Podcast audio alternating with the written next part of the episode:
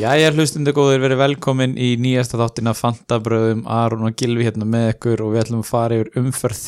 13 núna Gilvi, hvað segir um það? Ég er bara,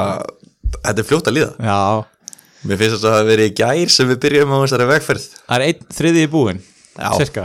Já, þetta er rosalegt maður Tjóðlega er þetta fljótt að líða Já, Og svo bara eftir mánuð verða bara 20 fyrir búnar eða eitthvað Það við erum að fara í svo mikið tempo núna það er svo gott að sko mest sundur slitni parturinn að þessu er búin núna Núna er þetta bara bam, bam, bam, bam, bam, bara Já. umferð eftir umferð Já, og það er svona Á meðan ég er að eh, klifra upp rankið Já, Ég veit ekki hvort mér finnst það gott eða slæmt af Því ég er alveg svona orðinn helvítið þreyttur og við erum ennþá bara í, þú veist að tala um í hvaða miljón sæti ég er sko Já. menn að vinur minn er að tala um í hvaða 2000 sæti þeir eru sko já, en hérna, gæti verið gott gæti líka verið slæmt af því ég er svona finnst svona vó, svona þetta er farið að þrengja svolítið mikið að, það er eitt þriðji búin já, og ég er ennþá bara eitthvað í einhverjum miljónum þannig að ég er svona ég var einmitt að ræða við vinn minn hérna, áðan, við, við erum svona, við erum eiginlega á nákvæmlega samastað í Fantasí, já báðir alveg að ég ömuleg tímabil Hvaða staður er það? uh, ok, allavega uh, það er, við vorum að brjóta tveggja miljón Miljónar rankið Já.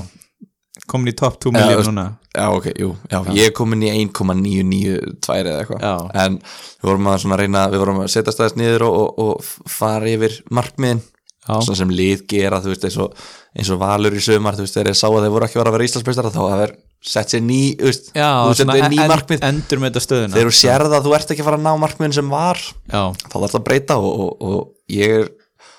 ég er það hóvar að ég getna ég get alveg við geta að ég mun ekki alveg kannski ná mínum markmiðum sem voru hérna fyrir tímanbíl næ en ég er komin í markmið Ok, viltu eitthvað að gefa þið upp eða allar, allar að hafa þessu ólíkalli að hafa bara skrifað miða í vasanum og svo bara rífa hann upp þegar markmiðinu ná ha, ok, mann já, ég er svona alveg út en hérna uh, veist, þetta er debate sko hann, Já. hann vildi meina, hérna, vinnum minna að þetta væri, hvort að 500k væri væri bara fínt markmið mm. þú veist ég sem ætla að vinna þetta sko ég er ekki alveg til að fara beint nýr í 500.000 sko, ég sagði 100.000 top 100.000, Ok, það er svona núna orðið nýja stóra markmiðið mitt Já. það væri stórt fyrir GT ef hann kemist í top 100.000 úr því sem komið er já, en ég veit að ef ég næði mm. þá mun ég, ég mun þurfa að, að fá græna ör alltaf, Já. núna eiginlega eða líka við sko, ég má ekkert og, og þetta er að verða svo templateið eða sniðmátið á liðunum, þetta er að verða svo rosalega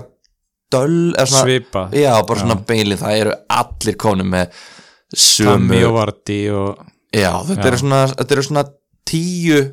sóknarleikmenn í pollunni, pollinu mm -hmm. og það er allir með sjö af þessum tíu Já, og ég er svona, hvernig á ég að og það er svo erfitt að stíga frá því þegar þeir eru allir að skora mm veist, hvernig á ég að finna næsta varti Já. þegar að eini vartíin er varti þú veist, þetta er, oh, þetta er erfitt en þetta, en við höldum áfram að reyna og við höldum áfram að fjallum þetta og, og hérna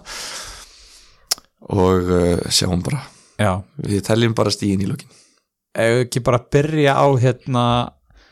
byrja á Böttvæsadildinni jú, uh, bara eins og við gerum alltaf Já, hvernig, hvað meistari vann þetta núna? Stiga hæstur í 13. umferð var Stefán Kristinsson með liðið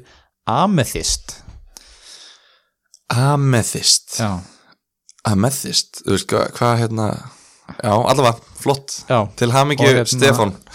með uh, Budweiser uh, drikki fyrir helgina Já, og hann má hafa samband við mate.atfótbolti.net m-a-t-e.atfótbolti.net E til að vita vinnings Ú, Herðu uh, þú við, bara þátturinn hérna síðast var eiginlega bara ein löng Willems lest, ef ekki bara byrja á því Astor Villa 2 Vi- Newcastle 0 Willems lestin bara komst ekki að stað já ég veit ekki alveg hvað ég á að segja um þetta sko já, því ég sko ég er með eitthvað app í símanum þannig að ég fæ notifications ef það gerist eitthvað Já, og ég, þú veist, kveikti á notifications fyrir þennan leik já, og svo var ég hérna, kallið var á deiti þannig að ég gæti ekki alveg yes. Yes. samt alveg svona, þú veist, þú ert illa háður enska boltanum já þegar þú átt erfitt með að fara á date á mánudagskvöldi Já. út af því að það er Aston Villa Newcastle og þú ert með Willems og mér langaði svo mikið að sjá leikin Já. en ég, er svo, nei, ég get ekki þú veist bara getur ekki gert sjálfu þér og þínu félagslífi það en ég bara, þú veist ef ég hef fengið að ráða alveg þú veist, Já. ef ég, í, í, í drauma heimi hefði ég hort á leikin og, og hérna en nei, þú veist það ég er, ég er bara, gra, hérna, bara gröf og ég held bara áfram að grafa en allavega mista þessum leik því miður uh, og já, þannig að ég setti notification á appið Já. og svo sé ég bara klukkan bara hálf tíu það er bara ekkert búið að gerast ég er bara heyrðu, býtu er minn maður að fara að fá solid nýju stig bara clean sheet og bónus Já. en þá virkaði ekki helvitis appið þannig að það var 2-0 bara í háluleik og það var aldrei spurning Já. en ég bara, ég var hún gæðið peppaður Þú varst bara going strong með 20 minn réttir og bara, já, já, ég var illa spenntur þannig að þetta var ákveðinskjallur og Williams, þú veist, hann fekk eitt stig já. sem gerði ekki mikið fyrir mig uh, mögulega er ég að fara að ræða aðeins Willems í lok þáttar það er svo leiðis það gæti það gæti farið svo ég, ég trú ekki að þú ætlar að gefast upp á þessu verkefni eftir hvað, tvo leiki, einn leik hvað er þetta komið? uh, tveir, þrýr Tveir, þrýr, já, ok Herru, en sko við tókum upp þáttirna síðast bara akkurat fyrir viku síðan já, og við setjum henni loftið cirka klukkutíma áður en að hvað, stæstu fréttir tímbilsins, það sem að vera ég var bara á leiðin út í bíl þegar ég fæði símtal bara frá Daniel Levy bara, Herru, ég- þú fegst bara símtali ég ætlaði bara að láta að vita við vorum að breyta hérna um uh, manni brunni Já, þannig að ég ætla Já, hann var ekki að ringi þig til að, þú veist, tjekka á þér hvort þú var laus í starfi Nei, nei, ég er uh, hérna, með samning út, út þetta tímambil hjá fylki þannig að, Já, hérna, ok. þannig að getur mér ekki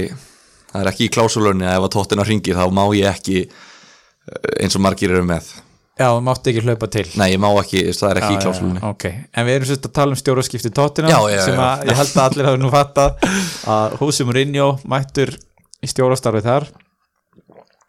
og þetta hefði nú kannski verið svolítið öðru- önnur umræða hérna hjá okkur við vorum svolítið að ræða að þeir eru tæpir á, á Sigri og eitthvað sem eru voru svo sem á endanum Mhm. þeir eru unnu 3-2 núna vestam Já, komist reyndar í 3-0 og leit, leitt hann sér vel út eftir svona klukkutíma og Vestham klóraði bakkan með tveim mörgum en hvað þýðir þetta fyrir framhaldið og svona hvernig metur hann leik og framhaldið á tóttina uh, uh, Jú, byrjum byrjum á einu, Já, eitt fyrst hérna ok uh, Nú bara eins og, eins og allir sem hlusta á þetta podcast vita þá, þá er uppáhaldsliður allra hérna í þættinu með lítum tilbaka og það er kannski að því það er eini liðurinn í þættinum Já. en hérna en uh, þetta er ég verð bara að segja það þú veist, ég, ég nenni ekki einu svona að láta þig segja það skil, ég, ég ætla bara að segja það sjálfur það er magnað hvað ég er að segja margt þetta sem gerist og sérstaklega því að ég fylgi ekki raskat því sem ég segi hérna Já. sem er sorglegt en mér, ég, er, ég er oft bara eitthvað, vábýttu, sagði ég ekki þetta nákvæmlega þetta uh, fyndið sko að nú eru menn farinir að smitast menn vilja fara að vera með í þessu, í þessu hérna, spátumstæmi Já. þannig að þegar að ég fekk Davíð Reyins í heimsókn hérna fyrir tveimu hugum Já, þá var hann að reyna að koma með eitthvað svona spá eitthvað svona sem átt að vera flott í lítum tilbaka og ég lofaði honum að ég myndi líta tilbaka með þennan leik, hvernig sem hann færi þannig að við ætlum bara að sjá hvað gerist þegar við lítum tilbaka hér ok Ég ætla að sé ekki alveg að spá hennar stafis um eitthvað 3-4-0 sigur tóttin og síðan fara að standa sko. Nei, ég er alls ekki samanlega því. uh, ég nefndi ekki alveg stóð þáttum með Davíð aftur sko, þannig að ég nefndi ekki að finna það sem hann saði, en þetta var okkar síðasti þar sem að Já. hérna þar sem að við í rauninni þú veist, þetta, var- þeir voru aldrei að fara að vinna þetta 3-0 eins, og- eins og Davíð sagði, en fín tilraun Davíð, uh, kannski næst þegar þú kemur Já, uh, sko er þetta að fara að vekja svona leikmenni svo Son og Kane og fleiri Mér finnst þetta nefnilega fáránlega áhugavert sko. Já, þetta opnar alveg bara ég ætla ekki að dæma út frá þessum eina leik af því Vestham eru ekkit eðlilega lélegir ákvæðir voru vondir og með þennan markmann Þú veist, þeir eru ekki bara þ- svona lélegir, þeir eru líka með þennan markmann þennan trúð í markinu ah, Hann er svo ömurlegur ég er bara, þú veist ha, Þa- Þetta er, svona, þetta er eins og einhver svona bumbubolta þegar sko, þú veist, það er enginn svona sem er getur eitthvað í marki og það er bara einhver svona aftastur í marki eitthvað og hann Já. bara svona kann ekki að vera um höndum og þú veist, kann ekki að vera í marki, þetta er alveg þannig þú ert bara að lýsa mér síðasta fimmtudag sko. þetta er bara þetta er bara nákvæmlega þannig þetta er ekki hægt og, og, og veist, ég, ég, ég á ekki orð yfir hvað vestam eru bara ömulegir Já, og Jarmo Lenko og einhverju svona kalla sem við höfum talað um í vestan bara ég bara man ekki eftir að sé jafn kalt lið samt einhvern veginn, þeir skora samt tvö mörg en það er ekkert að gerast fyrir þá en, þú veist, þannig að ég bara, ég nenni eiginlega ekki að tala um þá nei, ég bara, en, held ég ef þú að bara ert með slappa einhvern því í vestan bara hendunum burt sko. Gett rít sko, þeir eru komni bara á asinanlefili en, já en, en tóttinam þetta er rosalega áhugavert mm. ég var í svona tvo daga að pæla hvernig þetta breyðast við þessum leik Já. fattar þau, Dele Alli komin í hóluna og Mourinho, þú veist, þetta er strax svona, hann er strax farin að tala um þetta hvort að Dele Alli, hvort, þú veist, að hann er að fara að mæta sjálfurinn ekki bróðir hans og, Já. og tala um hérna, nei, nei, við erum ekkert að fara að fá slatan, við erum með Kane sem er bara besta nýjan á landinu og eitthvað svona Þú veist, hann er svona að peppa þessa gæja sem eiga að vera bestir og eru bestir og hérna, og Son er náttúrulega bara Son þannig að mér veist, mér veist þetta fáránlega spennandi að sjá hvað hann er að fara að gera en ég eftir tvekja daga umhugsunin þá komst ég að því að ég ætla ekki að stökkva á þessa lest strax Nei, og nei, ég, enda, ég veit ég mun sjá eftir, því, ég finna alveg, ég mun sjá eftir því, en ég ætla ekki að gera það enda í fullu starfi sem lestastjóri á Willems vagninum ég er upptekið maður en þú, hvað, er- ert þú að fara að hoppa á Son Kane Sko, það, það eru bara þessi á, tveir eiginlega. já, eiginlega Af því þú spyrða þessu og þú veist, við fengum fyllt af spurningum og við komum að því og eftir en af því þú spyrða þessu þá hérna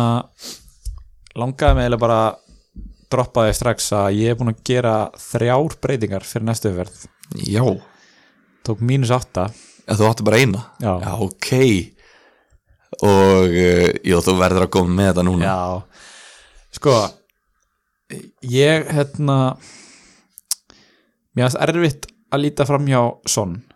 Mhm. mm veist, hann er geggjaður og það er mörg og stóðsendingar og hann er einhvern veginn svona allt í öllu í liðinu, þannig að þú veist, hann er bara svo góður fantasileikmaður, hann Já, fætti já. mark og stóðsendingu þarna og, og hérna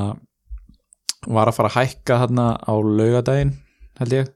frekarinn sunnudaginn já, hann er búin að hækka upp í 9.7 Já uh, Þannig að sko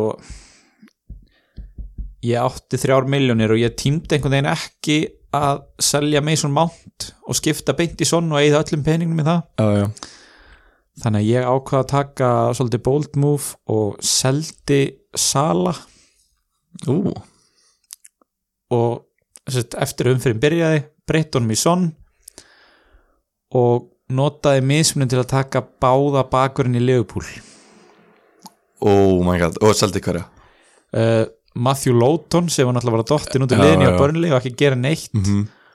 og Kieran Tierney já, sem að fekk núlstig í þessari umferð og hefur ekki get, þú veist, er að fá núlstig hvort sem hann spilar eða ekki sko. já, já mjög röggrétt mjög röggrætt, mér finnst ég svona soldið, þetta sýnir soldið hvað maður fer bara í ringi í þessu, þú veist, Já. ég byrjaði leiktíðina með þessa tvo Mhm. og hérna þeir eru búin að halda, Leopold er búin að halda hreinu tvísvar já, já, í 13 leikjum samt eru bara búin að fá sig sko 11 mörg já, eitt markileik aldrei búin að fá þessu meir en eitt mark þetta Nei. er mögnu tölfræði þetta er geðveikt. Þannig, en ég þetta er- ákvað bara En þú að tókst einn son taka sensinn núna er komið að þessu að þeir ætla að halda hreinu uh, þeir hljóta að fara að fá einhver stig í næstu leikjum og það Þessi- líka sko, það eru ekki nema 11% með son já, í liðinu, þú veist, það, það er ekki það mikið, já, nú ég er að tala um svo sem bakverðina núna sko, já, já, en ekki að hérna taka Leopold bara á eftir já. að er- virkar En þetta já, ekki ég- þannig það er að dagstöðstjóri ég tók inn sonni mitt eins og þú segir að hann er náttúrulega mest kipti leikmann í umferðinni Mhm. uh, ég með langar að gefa bara strax, fyrst erum við að tala um þessa skiptingu Sala út og Son inn nefna hérna Hörð Sturluson sem að nefndi á Facebookin okkar hann ætlaði að henda í þessa skiptingu fyrir umferðina já, ok, og let verða af því fyrir umfyrirna já, geðvikt, hann er bara til hamingi hörður og, og keep up the good work já, uh, Já, ég veit eh, eiginlega ekki hvað ég á að segja þú veist, ég náttúrulega bara uh, ég pældi í að því ég átti svo mikinn pening eftir, eftir þessa skiptingu þá ég átti í raun og verið einhverjar 6 miljónir hvort ég hætti að reyna að taka Kane líka en mér f- svona, hefur ekki fundist hann sína nóg í raun og veru ég menn hann er búin að skora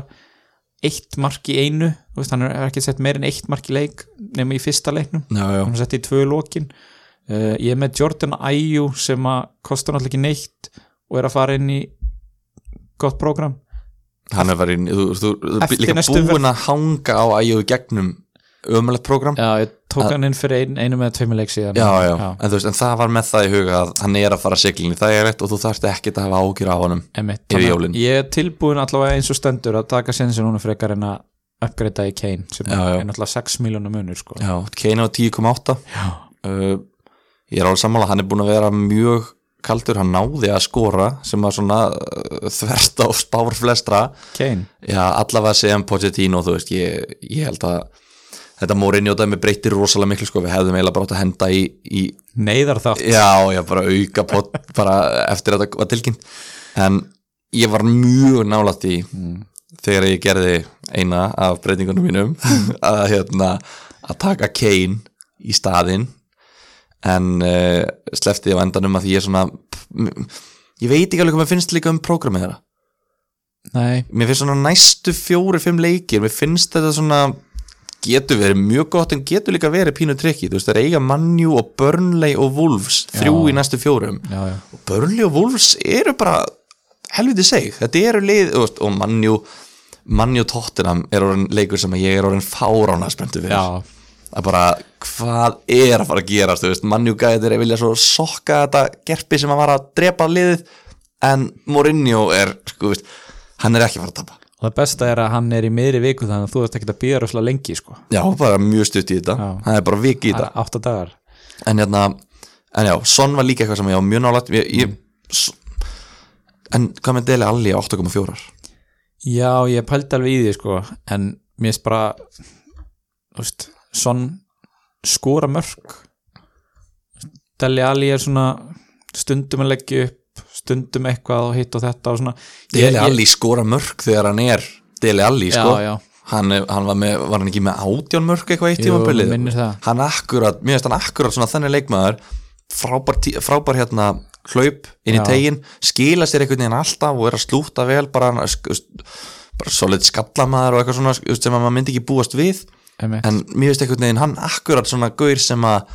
tölfræðin er kannski ekki alveg held ég, ég er ekki búin að kynna mér hann nógu vel ég held að tölfræðin sé ekkert eitthvað öskrandi eitthvað svona já, þessi er að fara að skora fullt af mörgum en hann gerir það, finnst Mhm. mér, þegar hann er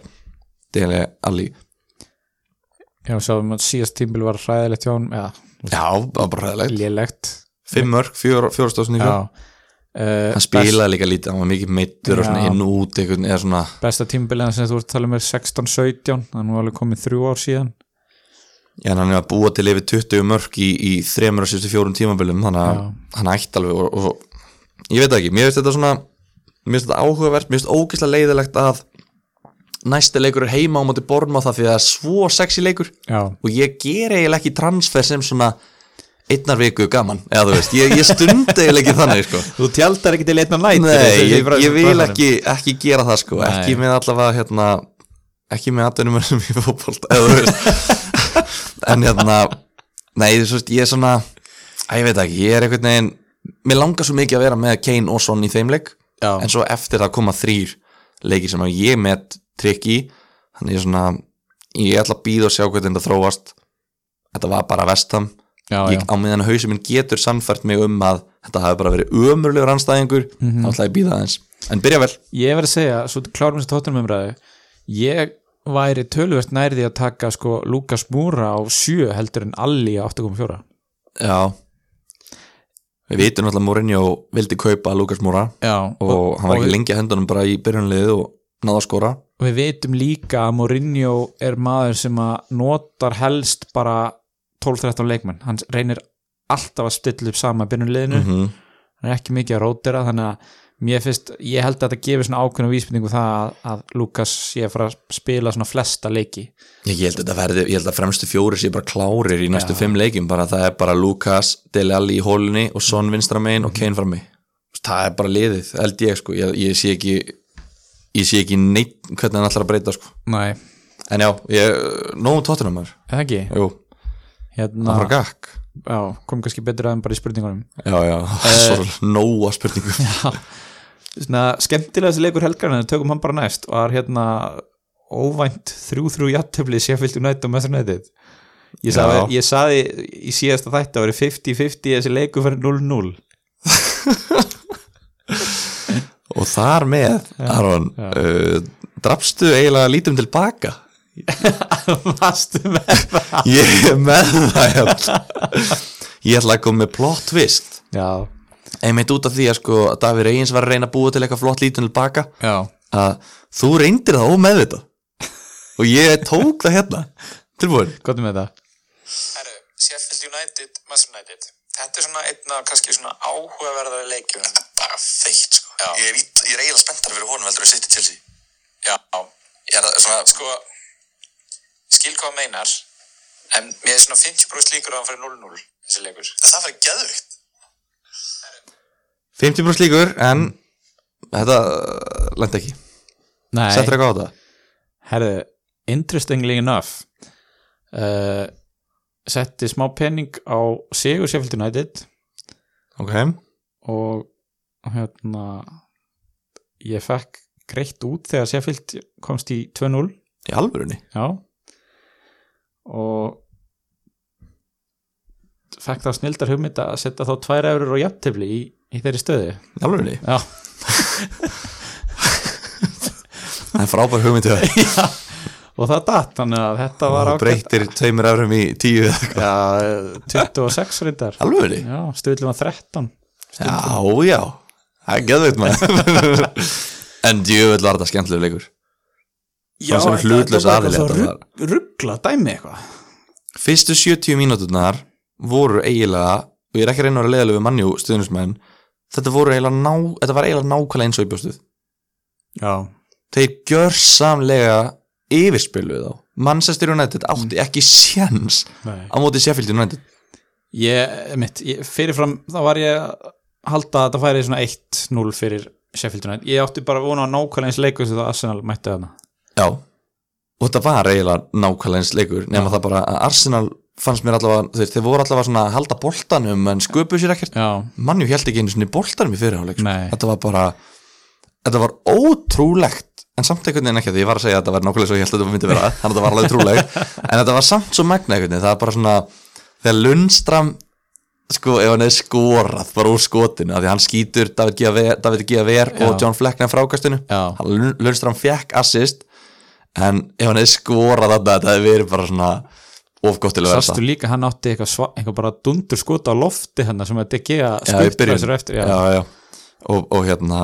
og maður var svona á, þú veist, vókandi fyndið að því að sko, ég setti Lundstram inn í byrjunarlið á síðustu stundu ég var með mig svo mánt Já. en svo hugsaði, nei, mánt eh, það verið að tala um hann sé að var að vera á bekknum og þetta er á móti sitt hann er ekki að fara að gera neitt þannig ég hendi gaf Lundstram tröstið og, og bara okkar samband bara eins og alltaf þá bara deliveraði hann sko. ég setti náttúrulega myndi á hérna já, góð á mynd Facebookið að hérna með atriður Lovaxili sem að við myndum endurskapa, við myndum hitta John Lundstram ekkert í mann og munum endurskapa þegar við hittum hann við þurfum að fara að taka eitthvað svona ferð til Sheffield Já, og fá að hitta hann og bara segja bara, heyrðu, við erum hérna við erum hérna fantasy podcastarar við erum búin að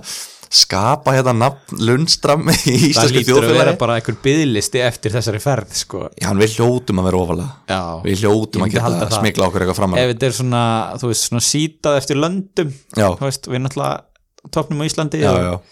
En þetta var sko, en svo Mm. gerist bara eitthvað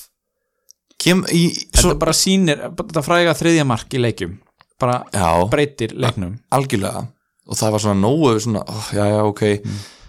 Mm. misti þarna, hérna klínsítið Já. nei, nei, svo skora mann ju þrjú mörg og Martial kemur ekki inn þú veist, jú, kemur alveg nála þeim, en hann fær engin stig fyrir þau þrjú mörg Já. sem mann ju skorar og Martial er að fá tvö stig út úr þrjú þrjú jafntefli og ég var bara, nei, er það grínast maður hann, hann, þetta var bara svona þetta var Martial eins og við þekkjum hann best gjörsamlega áhugalaus og latur og linur og bara Já. svona þú veist þetta er oh, þegar þú segir þess að við þekkjum um best þá ertu að meina bara við sjáum þetta of oft þú veist, já, við, hann er þú svona- hugsar að Martial og þetta Já. er svona það sem þú hugsar já, en þi- þið langar ekki að hugsa þetta, þið langar að breyta því já, og hugsa, hann er, í alvörunni með passion, hann, er hann ennir þessi svol- hann alvörunni er svolítið annarkort eða annarkort er hann bara að labba fram með mönnum og skora mörg og flottur eða, eða hann er svona eins og þú segir Já, og, og bara Já, þetta voru, þetta voru mikil vonbrigði en, en hérna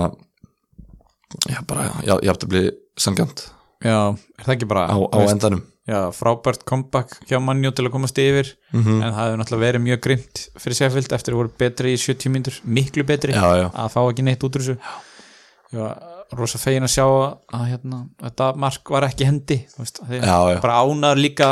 var hafði einu sinni geta tekið rétt ákvörðin sko já fínt, þeir prófuðu það Já. Mm. Þeir reyndu að dæmi þetta af Við getum ekki sagt annað, þeir reyndu það En kannski eitt svona punktur með þetta að, að þessi leikur, hann tók ekki sko, hann setti engar efasemdir í hausin á mér með vördina á Sheffield þó er að Nei. fengja á sig þrjú mörg já, þeir voru bara, þeir voru, þetta var bara, það var bara allt loka í 70 mínútur já, kemur eitthvað svona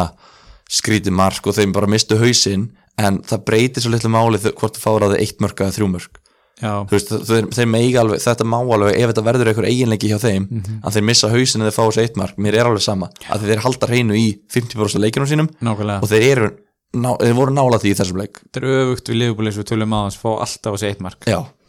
að þeir eru já. en þú veist, ég, ég er alveg sammála ég held þetta, þú veist, það segir ekkit um hérna, vörðinni á Sheffield og stundum leysast leiki bara upp í svona vittleysu eins já, já. og gerist þannig Já. Já. en svo líka sko kannski í lokin uh, Marcus Rashford já, við þurfum eiginlega að fara að gefa honum meira kredit, finnst mér Já, ég er alveg samanlega sko, maður stuð að ég var að tala um hann ég pældi í að taka inn Marshall og Rashford fyrir mm Mhm. -hmm. Bornmothleikin, já, svo núna eftir ég kefti Marshall þá var ég bara svona, æ, ég hef ég átt að köpa hinn en uh, þ- það- hitt var samt svo Logical, já, það var svo logist valjú í Martial Já. miljón krónum ódýrari, einn og halvri miljón ódýrari eiginlega, spila framar vellinu framarvellinum Samt fær fleiri flott, stig já. fyrir að skora og bara svona, það var einhvern veginn allt að spila með honum, Já, en svo er Rashford bara hann er bara að skora, hann er bara að fá stig já, Marcel reyndar, þú veist, fegst í síðasta leik þannig að við erum ekkert eitthvað, maður er ekkert að missa þóli með hann nei, nei, ég, þetta er líka bara svona dæmið sem að þarf bara að vera þólumóður sko, þú veist þeir eru aðstof vilja í næsta leik heima það Þetta verður alveg st- svissast í næsta leik og Marshall fær tíu stig og Rashford tvö sko það verður mjög, ég er mjög spenntur fyrir þeim leik Ég líka Herru, uh, er ekki bara að taka lester næst? jú, Ég held að flestir séu með þrjá í lester ef ekki fyrir þess að verða hljóta er að vera komnir í þrjá núna Já og, eins og við erum alltaf ósamála triple up Já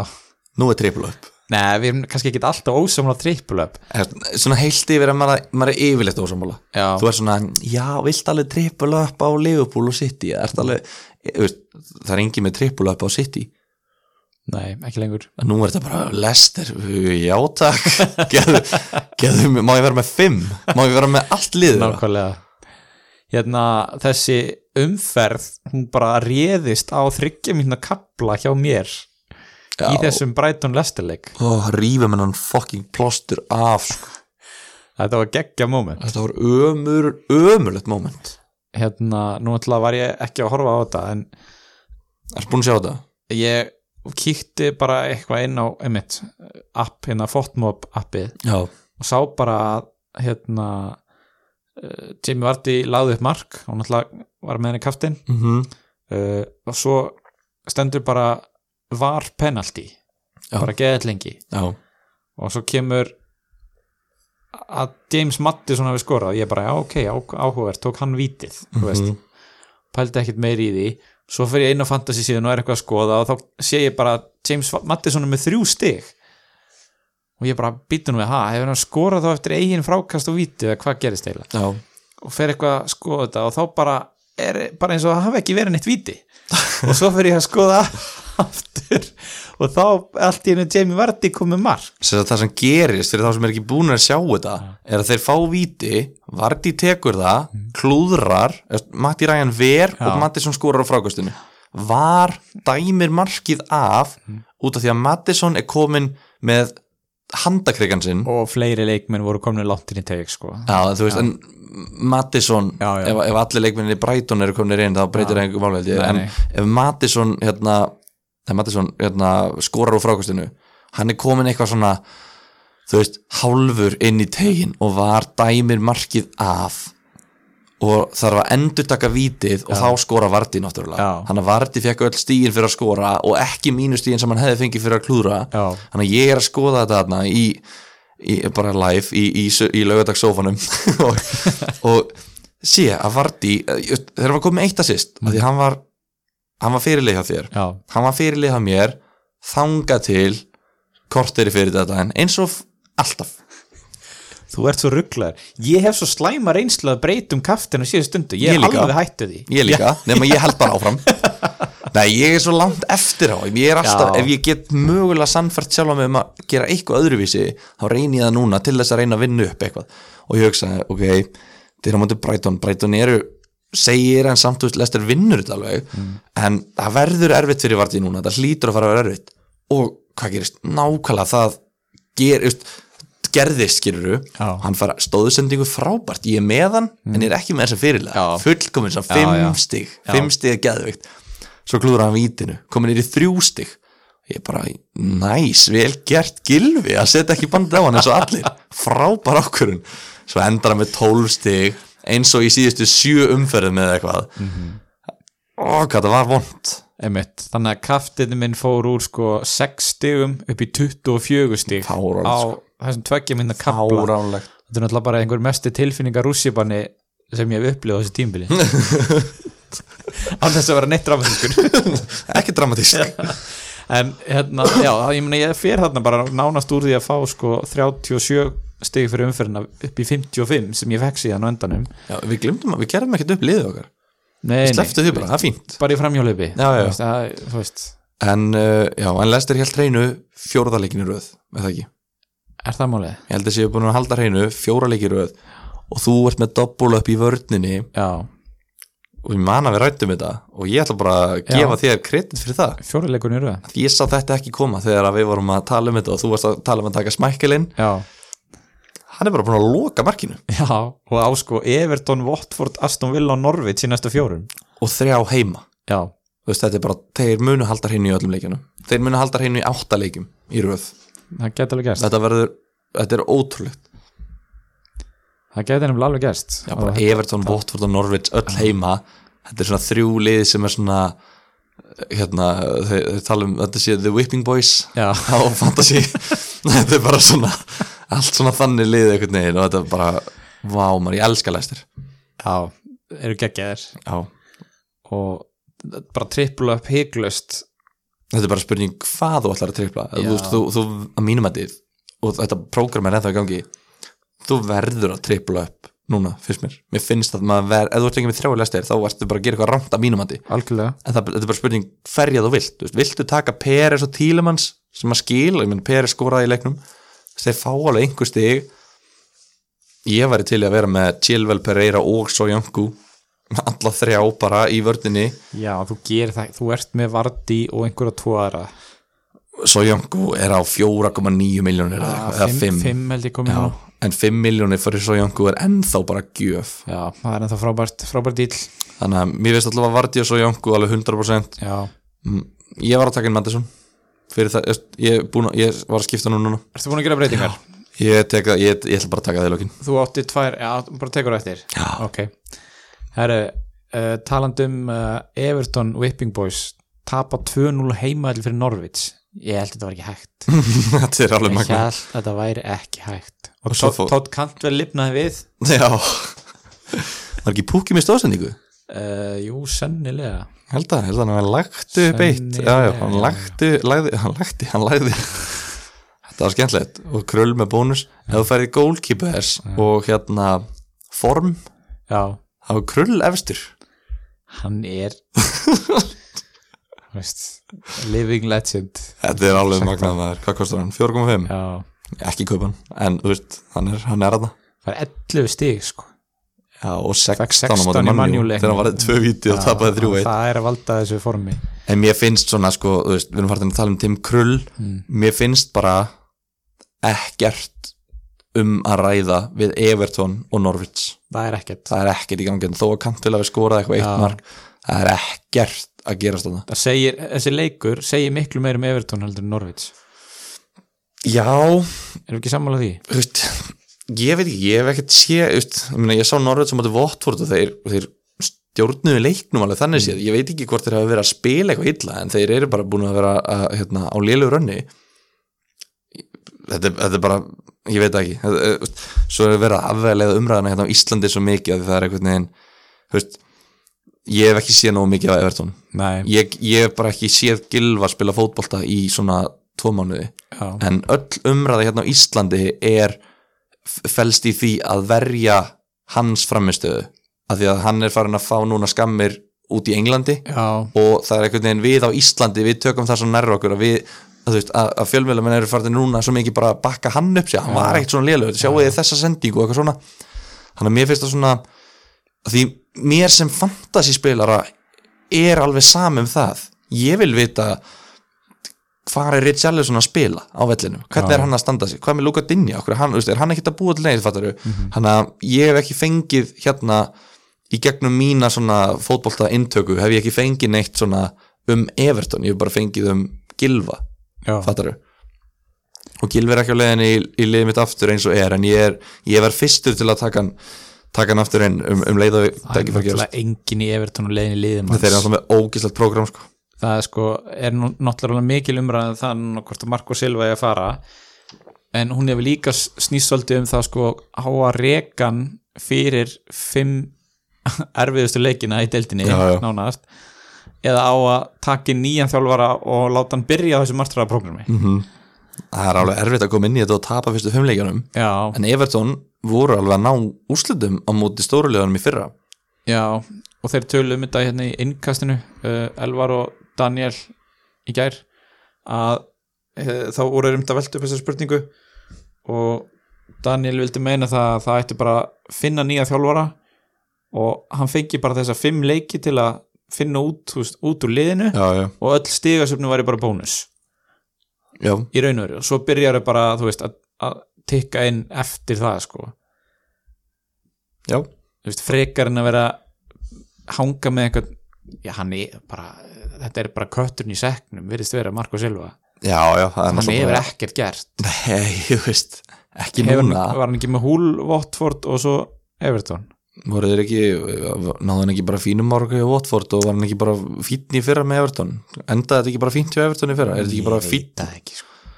er þetta ekki bara fínn þjálfari í fínu liði, þú veist, það gengur illa núna þú veist, það, í dag ertu bara rekin þegar það gengur illa í, í þú veist, einhver tíma já, en við sáum bara eins og hjá Wolves það var farin að tala hérna um Wolves eitthvað að þeir varu að byrja tímabili illa og bara þeir eru bara að fara í nákvæmlega sama og, og hérna sama Evrópu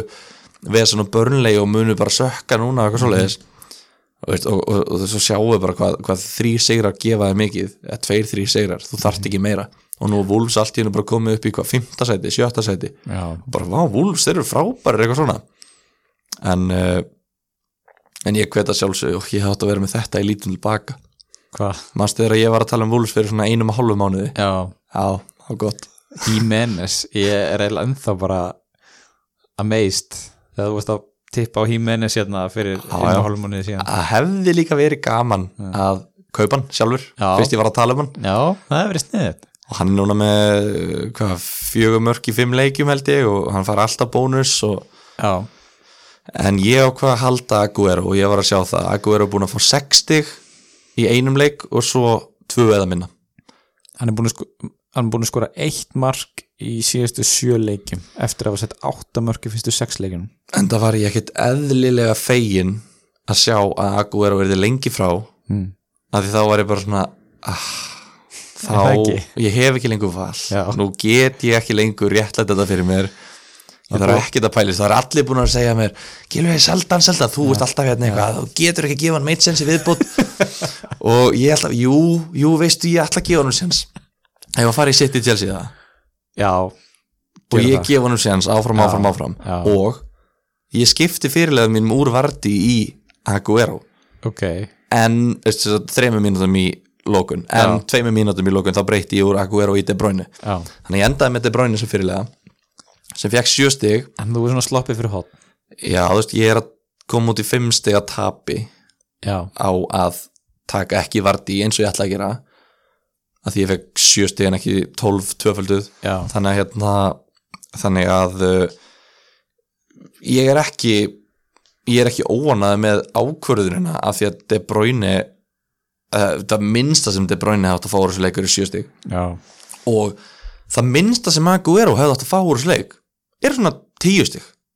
það hefði verið það minnsta sem væri sangjant það er Já. svona að þú tekur svona þú veist, í, í fullkomnum heimi hann fengið svona 16 í virkilega ósangjöndum heimi hann fengið svona 9 mhm venjulegt hefði verið svona 13 hann fekk 2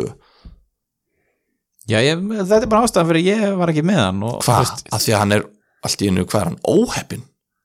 ég veit ekki hvað er að plaga hann en hann bara var ekki að hitta á formið sitt bara nei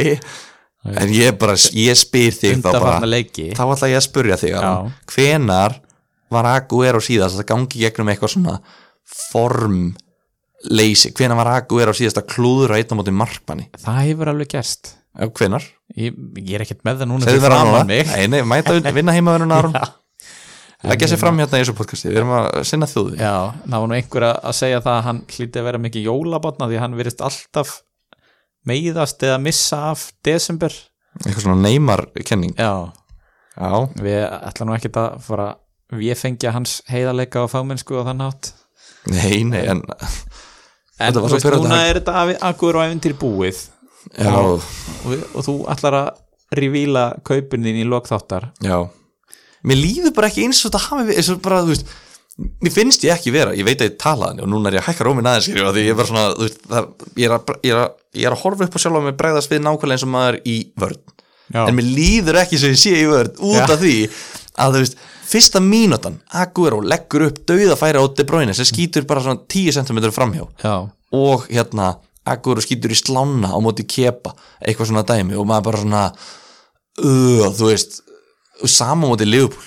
Aguero hefði líka átt að skora á móti Liverpool það vantaði sko ef hann hefði verið í skóstæðar nummer 42 en ekki 35 þá hefði hann skorað skilur þetta var svona munaði ógeðslega litlu og hann eru bara tvei leikir og þetta eru bara einhver 10-15 stig sem ég er að tapa bara á okkur svona algjöru smáadriði og þetta er ástæðan fyrir því að maður er með dýruleikmunina að því smáadriðin þú veist, þeir eru búin að fínpúsa smáadriðin já, já, þeir eru ekki að klúðra eins og 7,5 miljón krónar Madison eða 7,7 miljón krónar Martial eitthvað svona, Já, þú veist, já. þeir, þeir eru bara þú veist, manni fær færi og hann skorar bara já, og Aguero fær færi og hann skora bara Obama fær færi og hann skora bara Kane þú veist, þessi gæjar, þeir skora bara Mhm. og mér er svona mér er svona ógeðslega svekkjandi að hafa gefað honum allt þetta traust og þetta er eiginlega svona nei, þeir eru nú nokkri en þetta á tífumbilinu en ég, er, ég, ég verð svo leiður þegar að menn fá traust Mm. og endurgelda það síðan ekki já. ég Það tek að er- smá persónu það er vond höfum við eitthvað að segja um þennan leik meira, þú veist Mason Mount að bekknum heldur Já. að það breyti samt ekki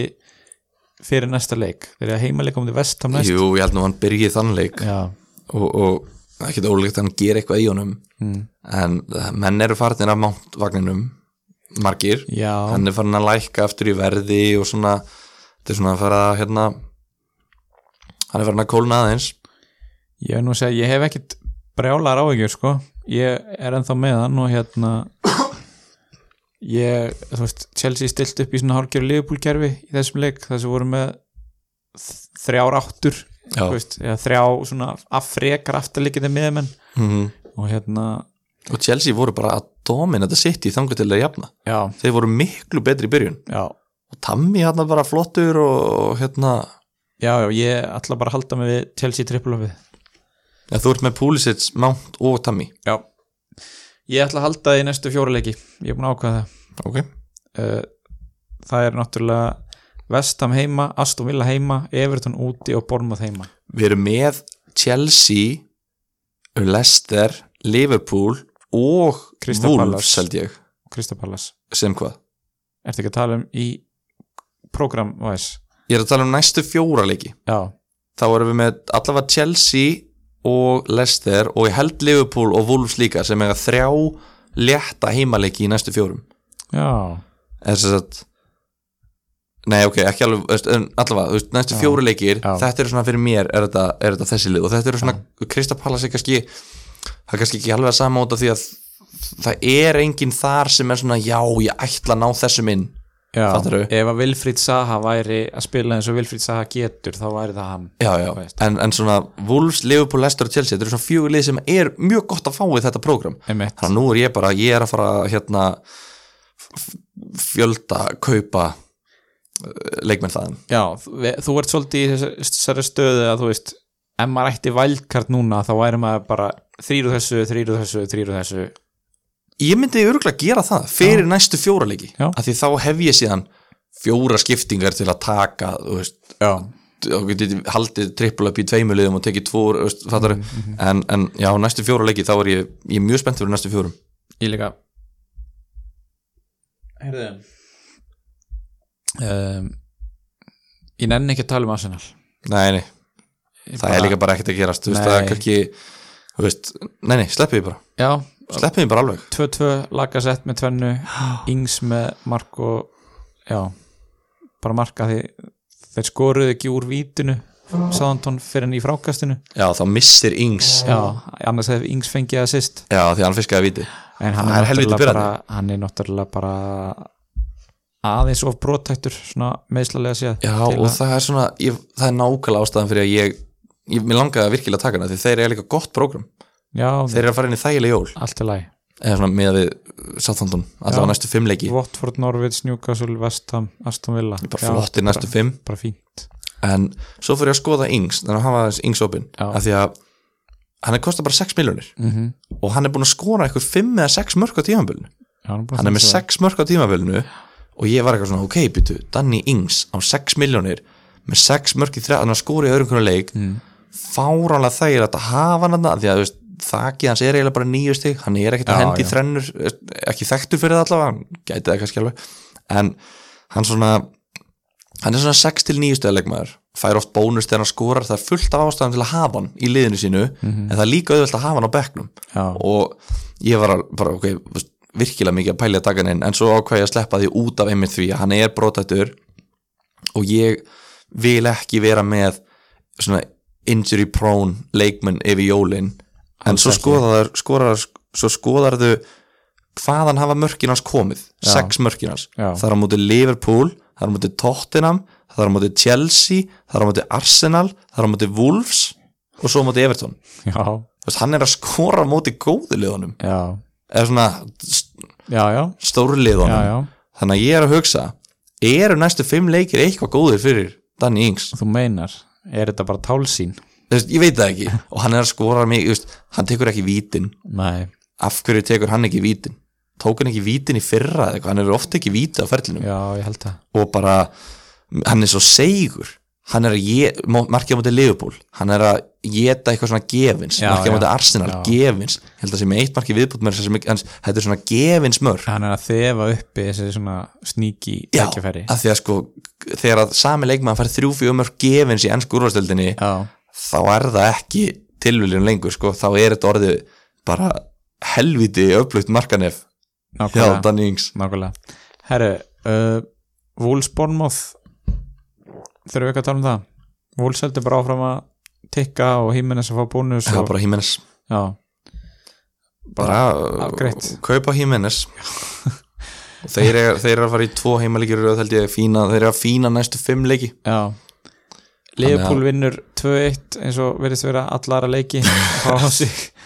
eitt mark en þá skoraði bara 2 uh, Manni heldur áfram að skora ég, þú veist, Sala spilaði ekki leikin nei, þetta, það, þetta ítti mér yfir brúninu sko. að, sem er skellur af því að Sala verður klárur á morgun í meistaradildinni já, og já, og þú veist, hann er búin að vera það einhvern veginn fram og tilbaka þetta er svona einhvern veginn, maður getur bara ekki stóla á þetta Nei. og fyrir dýrasta leikmann í leiknum þá er það bara ekki hægt sko. nei, ég skilja fyrir mínu ákveður að skora því ég er búin að selja náttúrulega Æ en, þú veist eins og Eiður Smára sagði þetta er beint af hæfingasvæðinu já, þetta var geðveikt mark bolti fyrir ykkur að fjóra Kristafallast leikmenn að það í ykkur klapsi og þá, þú veist, að fyrir mín og fá eitthvað þannig mark já, mér finnst það bara bjánalegt sko. þurfum við að fara að endurvekja hérna PVA hóðnið kannski á eftir Eh, Já, ertu með liðið hans eða? ha, liði hann, nei, ég var nú bara meira hann sem leikmann og hvort Já. við ætlum að kaupa hann sko. Ég ætla ekki að ég er uh, bara, nei, ég ætla ekki að kaupa hann sko nei, en þetta er svona ég veit ekki, ég er með einhverja tilfinningu fyrir að fyrir mínu sé að fara í gang núna Já. í næstu leikjum, kemur mjög óvart að manni er bara að bara skeina sala ég Já. held þetta myndi jafnast meira út og ég held að í verstafalli er þau með jafnmörg stig en manni er bara nummer eitt já, já hann er bara að eiga sala tímabilið hitt í fyrra mm Mhm. -hmm. hann er bara, hann er geggjaður Já. og hann var bara, eins og ég leik þetta móti Krista Ballast, hann var bara mesta hlutan leiksins var hann bara fremsti maður já, já. þeir eru yfirleitt svona tveir einhvern veginn en þarna því Sala var ekki að spila þá var manni bara fremstur við höfum séð þetta áður að þegar Sala spilar ekki þá virkar f- þrenningin fram í bara öðruvísi þá, og manni fekk sko dauðafæri í leiknum líka Já. ofan á að skora þarna mark þannig að þetta bara já, bara flott sko en núna getum við kannski fara aðeins meira út í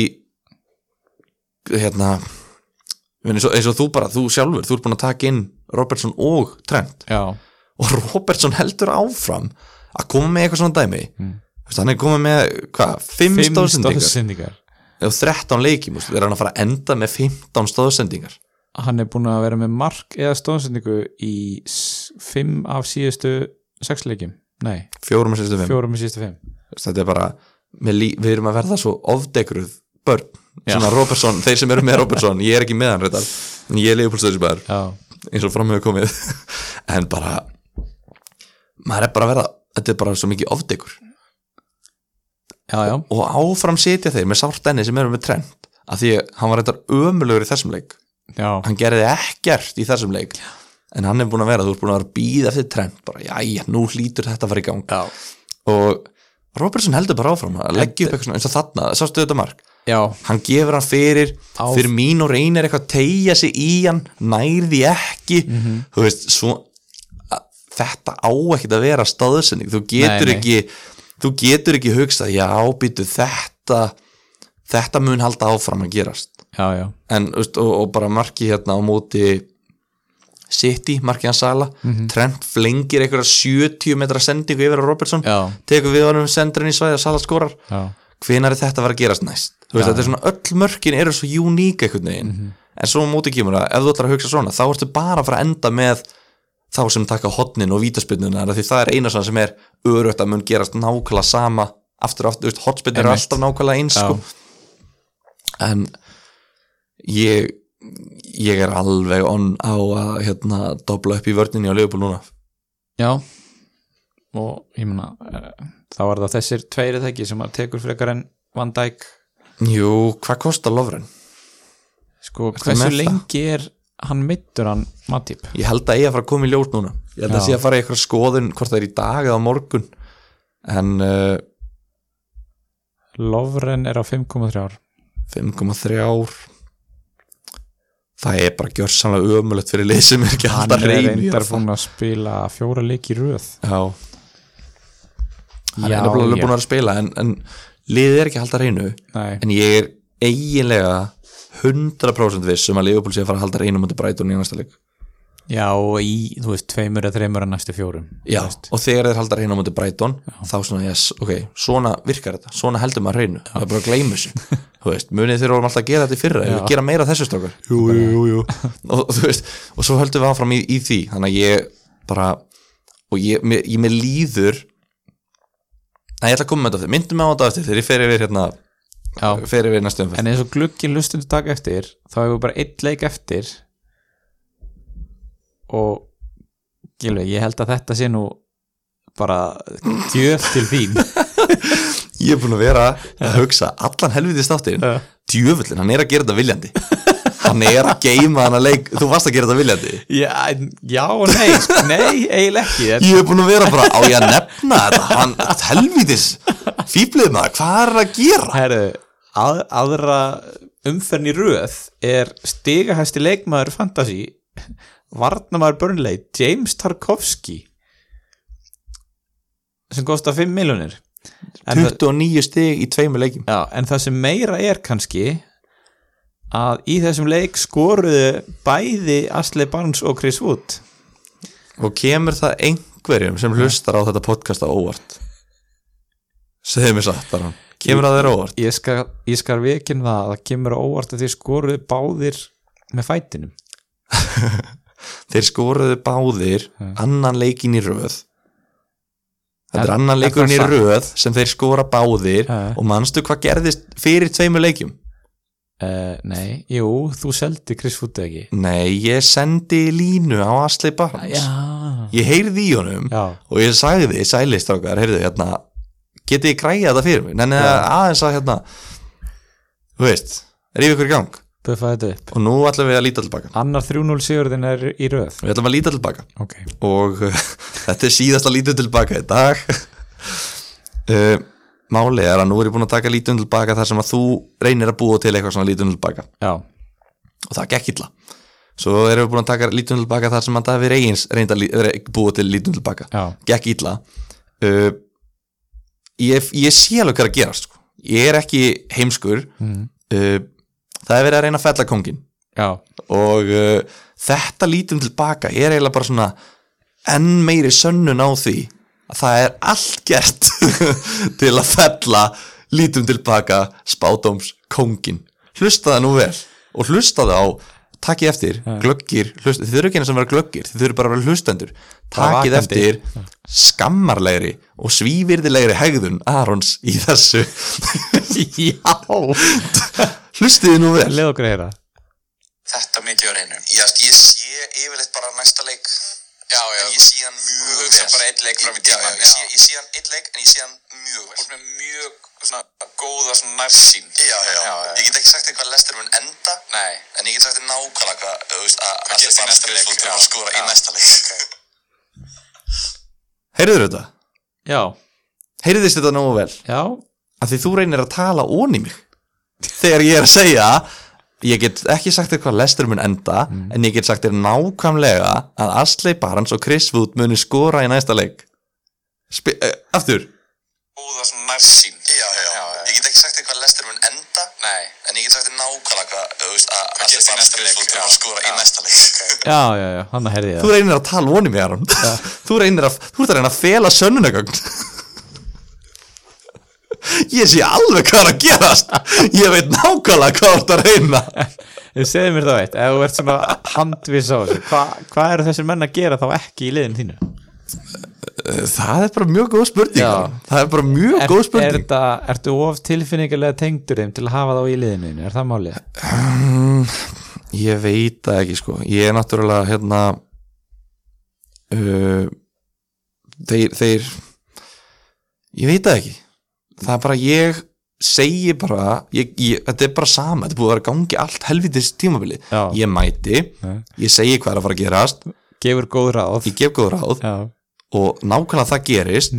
nema það að svo fatta ég, já, heru, ég, hérna, ég sagði þetta, ég gerði það ekki já, og svo bara nákvæmlega viku setna er ég aftur mættur og segi hvað er að fara að gerast fylgið því svo ekki þú veist, pældi í því ef ég væri með Chris Wood, Raúl Jiménez og Vardy í liðinu mínu mm og bara, þú veist, ímyndaður ég, ég ætla að ta- næsta sumar, já, ég er að bæja að hlusta á alla þættina alla þættina já og, seg, og velja fyrirliða sem ég sagðist alltaf velja og, og kaupa það sem ég sagðist alltaf kaupa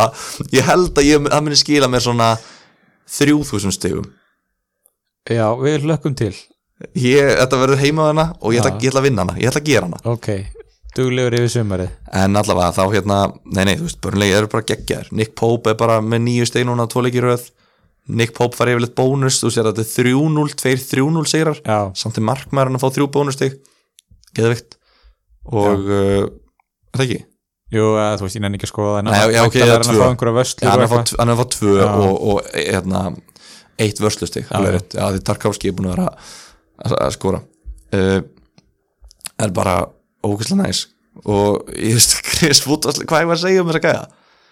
Þeir eru geggjaðir þeir eru það, Þetta eru þínir menn þeir eru mínu menn sko og ég er mjög spenntur að því að hérna úr, sí, úr einmitt síðast að þetta með Davir Eins þá sagði ég við hann að Chris Wood væri 100% að fara að skora tvö mörk í næstu tveimur Já. nú er hann komið með eitt sko þannig að heima á múti Crystal Palace þú veist, ef þið viljið breyta eh, einn efru í tvær þá eh, er hægt að setja á að Chris Wood muni skora stöðlin er örgulega 1,6 Já, hérna við, held- við verðum að fara núna í skilabóð frá Já, það er hlustum, ekki. ég finnum rosalega mikið að skilabóðum þetta er, sko, þetta er eiginlega pínu svona, svona yfirþyrmandi hvað þetta alltaf þetta er svolítið mikið Já, við erum ekki kvarta samt við þurfum eiginlega að fara að ráða inn einhvern starfsmann hérna, Já, til að fara í gegnum fanmail hef. já, Já, og sko, vá, hvað þetta er ekki plan ég er ekki að djóka, þetta er ekki planað en talandum að ráða inn starfsmann, eh, við erum að gleyma styrtaraðalum já herðu við erum að gleyma styrtaraðalum þetta er, ég, þú verður að trúa mér þetta er ekki planað Nei, ég, ég, veit bara það. sko vá komið líður illa því þetta er svo mikið kryns ef þetta væri planað Já. en, en bara þetta er ekki planað en styrtalega við verðum vel að taka honum Já, hvað er með það? hvað er með það, hvað ég segja, þetta er bara nemja bara saman Já. gamla og eh, sko, Ertu, var kom, ertu búin að leika í fleiri sketsum? Er komið fleiri sketsar? uh, hvað var komið síðast Þannig að bóka tíma og, og hérna að ég hitt hana sk- námskeið var námskeið komið eða, ég, eða var, það- ég var, held nefnilega að það var varstu bara búin að prífja það til mín já, ég held það, Já. ég var nefnilega sko, það var, þeir voru bara búin að gefa út þegar ég var að leika í tíma þar sem við erum að bóka tíma Já, svo var ég svo var annarskert sem inn, inn á Instagraminu þeirra hjá Nemiu sem að var sko að bóka námskið já, og það er eiginlega fyndnasta orðagrín sem ég hef séð þetta er ég er sko, ég er búin að öskra á látri já svo oft yfir þessu en það er ekki það sem ég ætlaði að segja, ég fekk skilabáfröðum Ok, og þeir hérna, að þeir koma, þú veist, þeir eru duglega að senda á okkur eitthvað svona einn og einn punkt sem að hérna, sem að má koma fram mm. þú veist, þetta, þetta væri helviti boring ef þetta er alltaf bara eitthvað nemja, enga tímar og námskeið fyrir framhalskóla og grunnskólanema Þú veist, við- það er alltaf svona, þeir vilja alltaf, alltaf svona halda þjóðinu upplýstri já það er að vera eitthvað svona content já, svona, þú veist, bara svona, bara svona bara segja, okkur, skilur, hvað er að frétta, Já. hvað er að frétta á nemi, þetta er væntanlega þú veist, það sem að margir spyrja þess að bara, þú veist, ok, sko, úrháði Chris Wood uh, Hjall Lester Heinu og hvað er að gerast á nemi Nákvæmlega, og við erum búin að svara tveimur já, uh, að því að þessu ráðin starfsmann þarna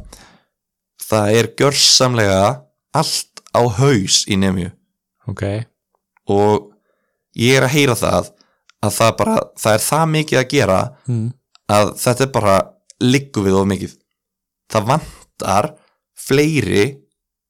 engakennara til nefnju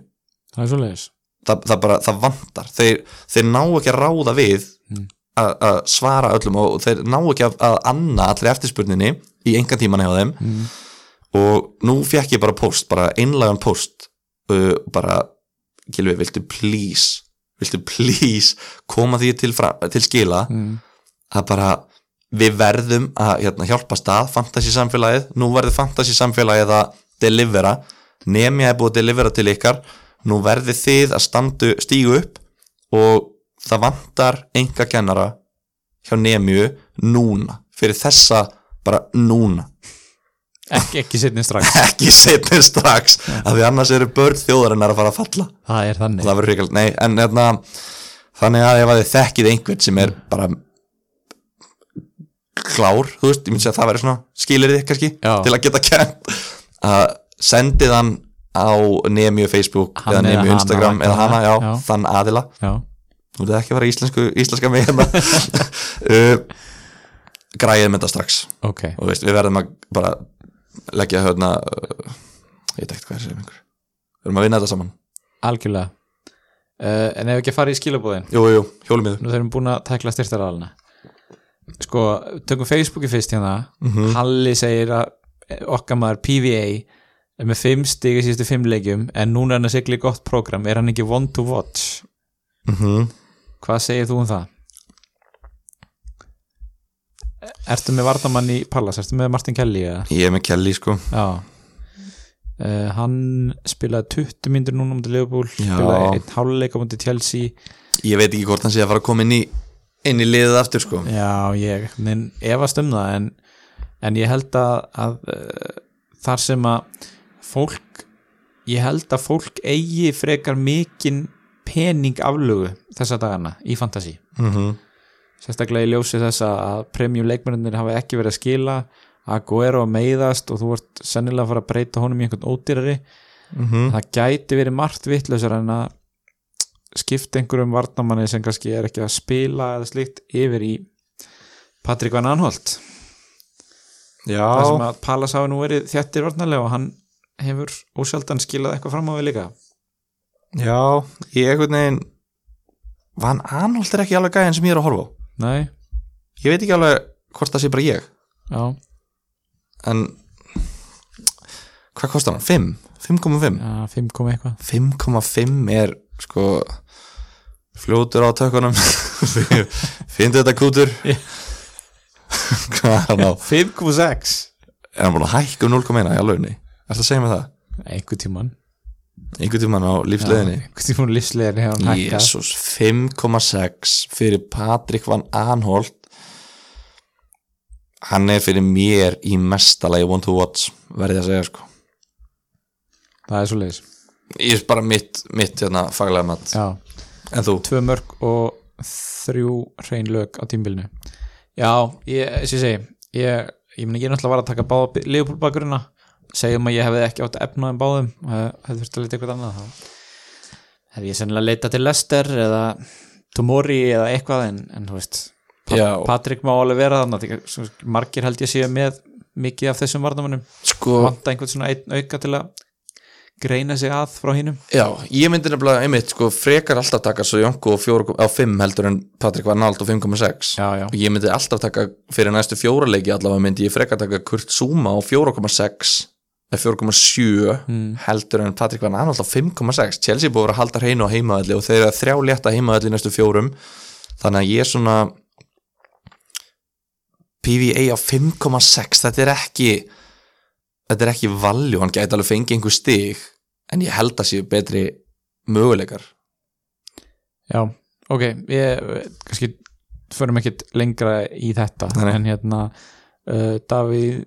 Guðbrand segir hérna prógrami á Krista Pallas, Chelsea, Lester og Liverpool voru meðlega búin að tækla þetta hann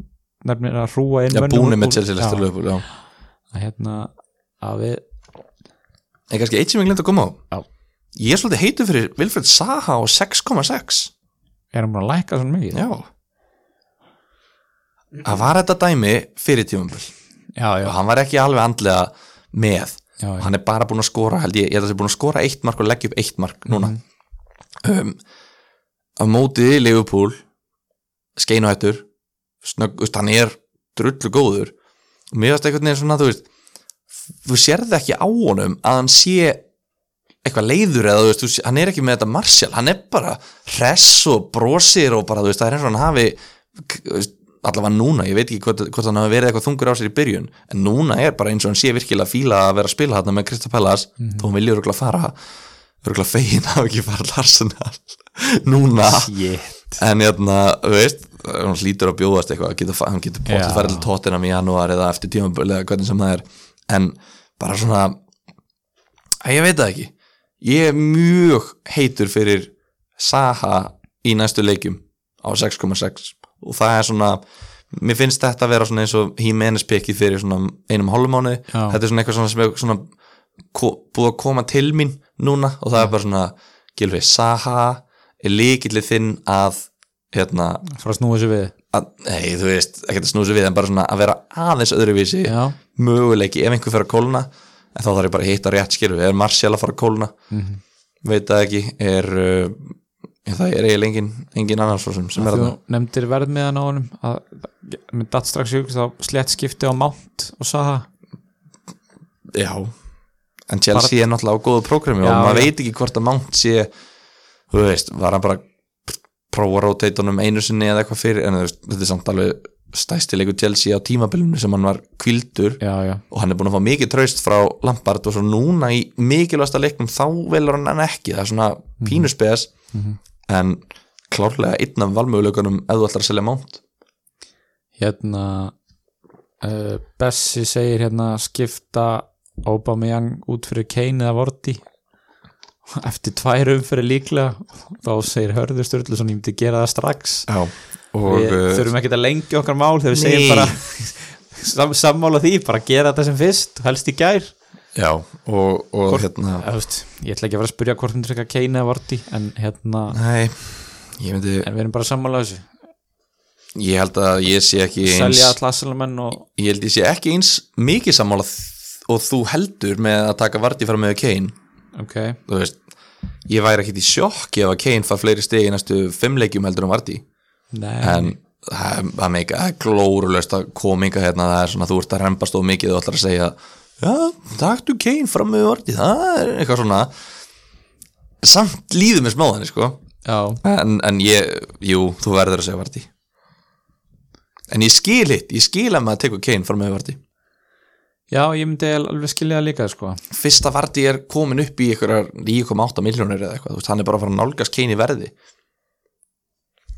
ég er með hérna nokkrar á Instagraminu Já, ætlum þú að tekla það uh,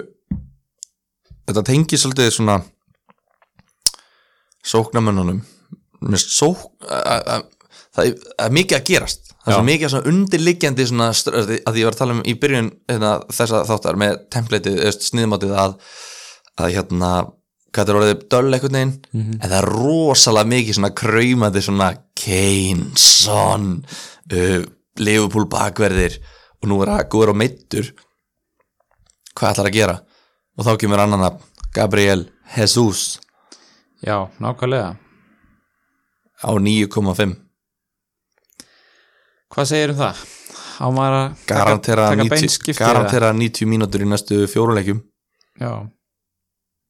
9,5 já sóknamaður í seti, nýjan í seti ég myndi segja ef þú ert ekki ef þú ert með Jamie Vorty og þú veist ert samt að fara að skipta um ef þú veist, hvað ég segja, ef þú ert með Jamie Vorty vast með Aguero, þá er þetta í lagi en ég myndi alltaf tek- frekar taka Vorty en Gabriel Jesus já, já mér finnst þetta svona allt í hennu Kane og Jesus orðnir spennandi pikk Já, eitthvað að þau voru svo steindauðir fyrir Mhm. viku -hmm. núna er þetta bara svona, ú, áhugavert og líka svona ódýru sóknumennir Danny Ings, Jordan Ayew já, uh, Mus- Liz Musei sem skoraði á móti mannjú og er með rosalegt form síðustu leikjum eftir að hann byrja að spila og hann meiðist þarna í lokin þetta var sko, ég var næstu búin að taka í miðjum leik, ég var næstu búin að skipta veist, gera transfer, selja Aguero fyrir Musei bara því, mig langaði Musei í svona Já. tvær vikur já og þarna var ég bara já ég er bara að fara að gera þetta en ég er mjög fegin að hann var að náða að halda að klára leiki sko því svo fór meittur út af en það er fullt að gerast núna með ódýra sóknum og, og Chris Wood hvernig getið glemt honum þú veist það er, það er margi sóknum sem eru hérna, eru svona farnir að já, allavega banka á dyrnar hjá Tammy Vardy og Raúl Jiménez já, en þeir eru ekkert að fara allir dýr alveg strax sko, þeir eru upptekni sjálfur við að skora þannig að þetta er þetta er svo erfiður leikur þetta er erfitt sko Vá, maður. Erum að taka eitt hérna að við glemdum í Facebooki Já. uh, það er einn hérna sem var að uh, hann hendi eftir 3-0 sigur Brighton og Spurs uh, hendi French Belgian Experiment Mopey og Trossard hafa engu skilað uh, hvað geriði við 11,8 miljonum samtals í sóknum miðju komið með kombo og svo kemur hann með fendt hérna sem við megum velja á milli það er Makkinn og Ings það er Horn sem var að fyrsta sem ég hugsaði Já, Jorginho og Chris Wood uh, Jota og El Gassi Já, Diego, Diego, Jota já. já. Það er alveg off the table þetta þriða kombo hann já, og svo síðast er Moutinho og Asli Barnes Ég heitlast eiginlega mest af því af þessu fjórum Moutinho og Barnes Já þá í raun og veru sem Moutinho á bekknum sko en sko, ef þú ert með 11,8 miljónir Já, fyrir, þess, fyrir tvo svona leikmenn ég myndi frekar bara fara í sko 4,5 öruglega og eiga þá 7,3 mm. þú veist, þú getur tekið sko Greenwood á 4,3 og já. þá áttu Mattisson 7,5 af því að ef þú ert með tvo svona ódýra leikmenn þú veist, þú þarft að bekka einn já og ég myndi bara hafa Greenwood á bekknum og bara, ég meina eins og hann kom inn á í síðasta leik og skoraði Og ég segi hvað ég hugsaði þegar ég las þetta Hvað? ég hugsaði bættu við hálfri miljónu viðbót og taktu Lukas Múra og Jordan Ayew Já, megasens make it happen Já herru, ok, það er svarið við þessu næsta spurning Uh, Þessi er svolítið áhugaverð já, Ragnar spyr hérna Er tími til að láta Trent the Wonderkid fara? Já, það er erfitt fyrir Þetta mig er að segja já við því hot take hérna í byrni Sko, þú veist, ég get ekki sagt já verandi nýbúin að kaupa hann nei, nei, ég, held, ég, veit ekki hver, ég veit ekki hver er að fara að sve- segja já við þessu sko Já og ég hef alveg heyrt svona pælingar eins og ef maður var að taka wildcard núna eða, eða þú veist, já um þessar mundir að Trenta ætti að vera fyrsti maðurinn í liðið já, ég er kannski ekki alveg sammála því en ég skil pælinguna já, já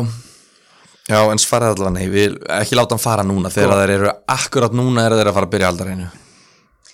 það er nefnilega máli ég hérna, þú veist, ef að þið eru búin að þjást í gegnum allt þetta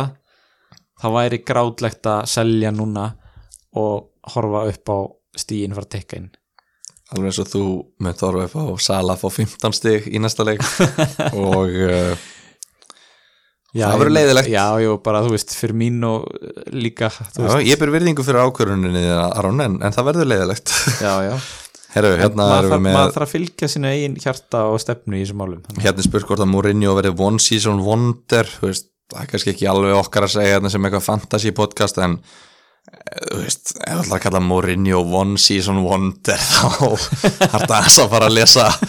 lesa fótbolta bækurnar aðeins- söguna. já, lesa söguna aðeins betur sko. já, er Leopold að fara að spila á sinni sterkasta í Premier League í desember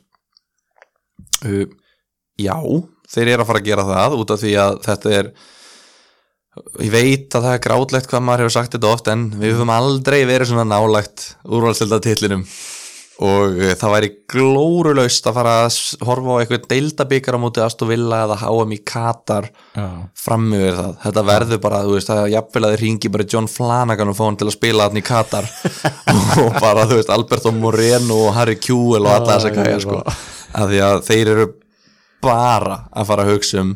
að safna stegum í deildinni og vera ekki að missa eitthvað niður í eitthvað forskot þeir eru átt Brighton heima og Vestam heima Mhm. uh, þannig að þeir eru að fara að spila á sínu sterkasta liði eitthvað sem spyr hvort þessi sniðut að nota fríhitt uh, þegar ef þú ert með þrjár Liverpool í gaming átján já. kannski tökum við betur fa- eh, seinna en, en fyrstu viðbröðin þín orðin Uh, nei nei, geima fríhittið, já, þú double veist, gaming í lokin lók tímabils ég, þú veist ég, við fáum þessa spurningu hver einustu viku með fríhitti Já. þú veist, að, sum- þegar, þú veist, tvei, þrý meittir og eitthvað svona Mhm. en bara, við erum búin að vera í þessum bransa það lengi, við vitum það að þegar byggarinn fyrir að trubla þarna í februar, held ég að Já. sé sengt í februar, já, það koma umferð það sem eru bara 5 eða 6 leikir og þú, þú veist ég vil frekar allavega geta breytt liðinu svakalega mikið þá já, já, og tekið inn leikmenn í Burnley og Brighton sem er að spila þá umferðina já og að þú berð þetta bara saman, ef maður hugsa þetta aðeins lengra þú ert með, ok, segjum maður noti fríhitti núna mm. ok, í staðan fyrir að vera með uh, þrjá leikmenn sem eru ekki að spila neitt leik Mm. og restin er að spila eitt leik Mm. ef þú nota fríhittið þá getur við bara valið alla sem eru að spila eitt leik Já, ok, ef þú notar það ekki þá fara bara leifupólmennið þrýra á bekkinu á þér og þú getur þá, þá kannski, þú veist, þú ert örgulega með einhverja varamenn sem eru að spila lítið já, segjum einn eða tvo bara sem fá ekki stig Já, þannig að þú ert með einn þú ert að missa í rauninni einn leik þú færð af 11 leikmönnum í byrjunuleginu er einn sem að spila ekki leik Já. og 10 sem spila leik þannig að þú ert að fá 10 leiki út úr liðinuðinu með því að sleppa fríhittinu ef þú nota fríhittið þá ert að fá 11 leiki út úr byrjunuleginu mm. ok, svo ímyndum okkur að þú býðir með fríhittið og slakir aðeins á og ferði smá þólumóður svo kemur umferð þar sem að svona 12 lið 12 til 14 af 20 liðum eiga tvöfalda umferð já, og þú er kannski með sex úr þessu liði þá ertu kannski með sex sem er að spila tvo leiki og fimm sem eru bara að spila einn leik en í staðin getur þú nota fríhetið og þá ertu með 11 sem er að spila tvo leiki þannig í staðin fyrir að fá uh, 17 leikir 17 leiki þá ertu að fá 22 leiki þannig ertu að græða 5 leiki og bara þú veist þetta er bara það er bara rosalega mikið sko, þú veist, ég veit ekki með þig en ég hef ekkert svakalega miklar skoðanir á þú veist, wildcardi og benchboosti og triple kaftin Já, þú veist, ég get alveg raugrætt þetta fram og tilbaka og kúttir að nota þetta svona hér og þar Mhm. -hmm. en fríhittið er ég bara game it until eftir áramót Já og svo Please. líka, ég, vá ég var að minna að fatta ég, maður er farin að tala eitthvað svo ég meira sér ekki sammála þessu sem ég var að segja þarna myndi ég, þarna myndi ég frekar nota benspústið að þá ertu með þrjá á bekknum sem er allir að spila tvoleiki já, þá getur bara, við- þá færðu í rauninni sex aukaleiki á að nota Já, benspústið já, já. í staðan fyrir fimm á að nota fríhettu ég myndi frekar nota, svo kemur hinumferðin Já. þar sem að seg, eh, þar sem að, já, sexlið eru að spila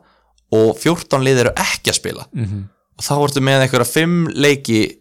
hérna í byrjunarliðinu og sex leikmenn sem er ekki að spila Já. Þannig að þú ert bara með fimm eða sex leikmenn sem er að spila í þeirra umverð, þá getur hann þetta fríhitt og þá ertu komið með 11 leikmenn þar og það er miklu betra ok, jú, ég veit að Liverpool eru besta fantasy liði kannski, en þetta er eitt lið og Vestham sem hengir með þetta, er, þetta eru tvö, ok, þetta eru tvö lið segjum það bara, þetta eru tvö lið sem að þú ert ekki að fá leikmenn fyrir en eftir áramót þá mun koma tími þar sem að það eru 6 til 8 lið sem að er að fara að spila og svona 12 til 14 lið sem eru ekki að fara að spila -hmm. og þá viltu frekar geta leiðrétt það heldur en núna eitthvað eitt Liverpool dæmi Nákvæmlega, nákvæmlega. þannig að þetta verður ef við ekki að hafa þetta bara síðasta skipti sem við förum yfir þessi chips ég held að svona, þú veist að sjálfsögum með alltaf senda ykkur spurningar og þú veist, það er alltaf Nei, nei, bara hætti þessu hætti þessu svo að, og- í, í framhaldi að einu þetta, hvaða chip fær maður aftur eftir áramót þú færð það var bara Valkart. eitt valdkart eitt valkart fyrir Já. áramót, eitt Já. valkart eftir áramót og benspústið, triple kaftein og fríhittið já, er í gildi yfir allt tíðanbilið já uh, á að selja Mason Mount mm, ef að þú ert ekki með neinn stærri vandamál Mhm. þá, já, já, þú mátt það alveg en ég get guttir að það vart með tvo aðra í Chelsea ég get eigir ekki guttir að það ef að þú vart bara með kannski Tammy og Mount já, bara þú veist, hvernig ætlar að taka í staðin Saha, kannski þú veist, annars verð, þú veist, þetta verður eiginlega að vera þá uppgreitt í þú getur að uppgreita í Pulisic, Maddison eða Martial Mhm. þú getur að uppgreita í Son og skilað kannski sóknamanni fyrir Æjú eða eitthvað svoleiðis herru hérna Steinar Rauði segir Lundstram out versus Sojongu in sko, mér finnst þetta nú bara að spurja þessu hvort maður eigi að selja pappa sinn til að kaupa ömmu sína sko þú veist, það er bara ég bara, við gerum ekkert upp á milli fjölskyldumælum hérna og þú veist Nei, nei, en þú veist fyr, þeir eru farin að kosta það sama já, Lundström er að 4,9 og er að fara að hækka upp í 5 held ég og Sojongu er búin að hækka upp í 5 já. Sojongu er að mínum að ég myndi freka að taka Sojongu heldur en Lundström núna Mhm. en uh, þú ert ekki að fara að selja Lundström til að taka inn Sojongu sko, þú Nei. selur frekar alla aðra Já. hann er, þetta er eini þú veist, það er örugglega eini sem er með fleiri stíl heldur en Sojongu Fyndu leið til að vera með báða það er bara, Já, eina, satt. þú, veist, það er, hlý, þú hlýtur með einhvern verri varnamann en þessa tvo hérna er eina áhugaverð já, uh, þegar við spurðum hvað ég var að ræða Mm. þannig að ræða ótrúlegan viðsnúning uh, King GT í head to head deildin ykkar Ertu að meina deildinni sem engi getur skoðað nema við tveir uh, veist, að- þetta er einhver sem hefur s- s- fundið þittlið og mittlið og hefur séð að ég er að fá fleiri stig en þú og þetta er einhver sem er að halda greinlega tölfræði utanum þetta og Já. er, að, er búin að sjá að Já. ég, að, veist að, hann segir, hérna, King GT, hann er með emoji, korona emoji Já. kannski á þetta að vera korona GT, ég veit það ekki alveg hefur séð að ég er búin að jafna úr 4-0 undir 0 4-0 fyrir þér Já. er staðan orðin 6-5 fyrir mér sko, það, kemur þetta eitthvað óvart með við það að ég held með Assevel það er bara hérna þú veist að með 45 stigum meira já, er heldar, overall heldastigum já. en ég er bara svo börnli ég, ég skila sigrum þegar Já. ég skila sigrum kannt að nýta mörkin og stigin rétt já, satt, satt greinlega, herðu en þetta er áhugavert, ég er bara að þakka þér fyrir kæri hlustandi að hafa f- tekið eftir þessu og ég er bara, ég gæti ekki verið sáttur með þetta Já uh, mm, mm, John Fleck Hvað segir um það? mm, hvað, 4,8 Já, hann Ég kostar held eitthvað lítið sko 4,8 miljónir æ, Ég get alveg gúttir að þetta þú veist eh, Svo er bara það, hann kostar svo lítið að þetta hendur maður bekkin, þú veist, ef maður vill Eh, uh, 4,8 þetta er náttúrulega eiginlega ekki neitt sko búin að setja hvað, tvö mörg síðustu þreimleikjum og öruglega tvö mörki síðustu 203 leikjum líka sko ég man ekki eftir að hafa ég er ekki viss um að skora mikið á æfingum sko. þetta er einhver fútbol manager legend ég ætla að fara að segja það gamalt djöfull var að Algjör góður hvað 2009 já, 2009-10 eða eitthvað það var þetta kaupan á bara þú veist, 250 spundu eða eitthvað það var rosalegur sko hvaða liði var nattur? Rangers já eitthvað, eitthvað sko sko já, en já þetta er þetta, þú veist, mér finnst bara svo mikið valjú í miðjumönunum já, reyndar De Bruyne, Mane uh, Madison maður er yfirleitt að, sp- eða í Son. dag að spila 3-5-2 þú veist, þannig að það er svona temp, allavega template er hann er núna og ég er svona ef þú ert að standa þig vel þá myndi ég reyna að halda því bara en þú veist eins og ef þú ert á einhverju stað eins og ég er einhverjar tvær miljónir þá er alveg hægt að fara aðeins synda móti strömmnum og eins og ég er að pæli að fara að fjárfesta aðeins meir í vörninni núna og og, og uh, vona að templateið fari svona í þá átt einhvern veginn og reyna að vera svona aðeins á undan þegar maður er á eftir já, en uh, já uh, Son vs. KDB já, KDB já, ég, eh, þú veist ég er með báða, ég get eiginlega ekki svarað þessu öðru sem það, bara að vera með Ég held báða reyndar að Sonsi búin að, búin að búa til sex mörg í síðustu fimm leikjum já, eða fimm í síðustu fjórum en uh, já, bara kefandi brúin er ennþá, ennþá minn maður já, já að því að við erum að hérna, skoða þetta þegar að byrjunlegin í mestradildinni eru komin Herðu, já, þá hérna getum við skoða hérna tóttina verð bara með nákvæmlega saman byrjunlið og í síðast já dildarleik bara nákvæmlega það sem þú varst að tala um Já, bara það sem ég var að tala um að húsi velur bara sitt lið Já, já, en City Eh, það er hins vegar meiri spurning og henni er svarað Sterling byrjar Kevin De Bruyne byrjar eh, Gundogan byrjar Gabriel Jesus byrjar Það munur náttúrulega allir vita þetta þegar þeir eru að hlusta ég var að fatta það núna, þetta er eiginlega bara áhugast fyrir okkur núna já, og já. það mendi að spila en fólk er kannski ekkert endilega að pæli í þessu sko Nei, en De Bruyne er að, sp- og Störling er að byrja og Gabriel Jesus náttúrulega já. Um, já, þetta er áhugavert David Silva kvildur Já, aftur ok, uh, næsta spurning á að stökkva af Willemsvagninum og hoppa á Brandon Williams 4,0 miljónir já. þetta þetta er ungi bakurðurinn í Master United Eh. já, er ekki Luke Sjó á leiðinni ég myndi ekki taka Williams bara veit það ekki sko en ég svona kannski er það bara þegar maður hefur ekki neinn ekkit pælt í þessu sjálfur en ég er ekkit heitur fyrir þessu móvi sko nei, nei, ég pælda aðeins í honum en ég held að þetta sé ekki langtíma fjárfæsting, hann er með nýju stig í heildina, já hann er búin að spila tvo heila leiki Luke Shaw er ekki rauðmertur hann er mertur 75% sko já, ég held að hann sé á leiðinni já uh, er maður að fara í var sóknarlínu Pittin og við er það Vardi Abraham og Rál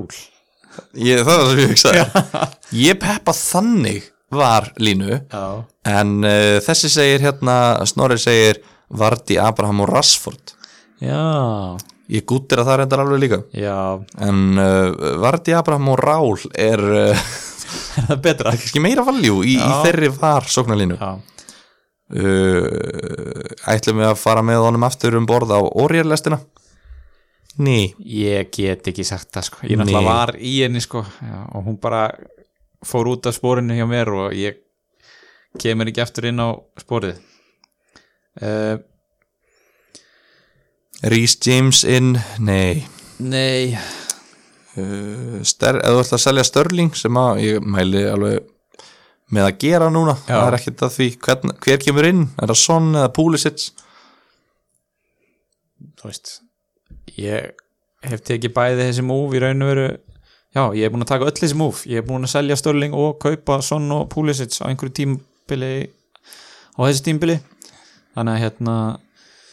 ég myndi segja í dag Son, mér finnst hann bara meira involved Já, í hefur sóknarleik ekki að geima þessa já, en það ekki, þannig til síðast eða það, uh, síðast í, ef að taka hana núna í dag eða ef að býða með hana bara Eh, þú bara ræður svona einn leini spurning Já. það er svolítið skemmtilegt hérna, skemmtileg spurning uh, Alexander Lagasett á að kaupa hann ég segi, ég, þú veist, ég segi nei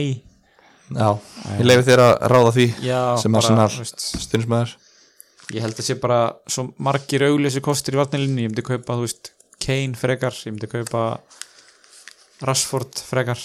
ég er hann ekki á 9,5 Fjórar? 9,6 já, já, Sex. Já, meina, er ekki Gabriel Jesus frekar eitthvað. Jú, eða ef þú ert ekki með Vardí þá náttúrulega augljóslega Vardí já, eru það ekki bara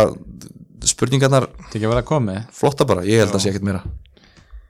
Herði, er það eitthvað að lokum, hefur að skoða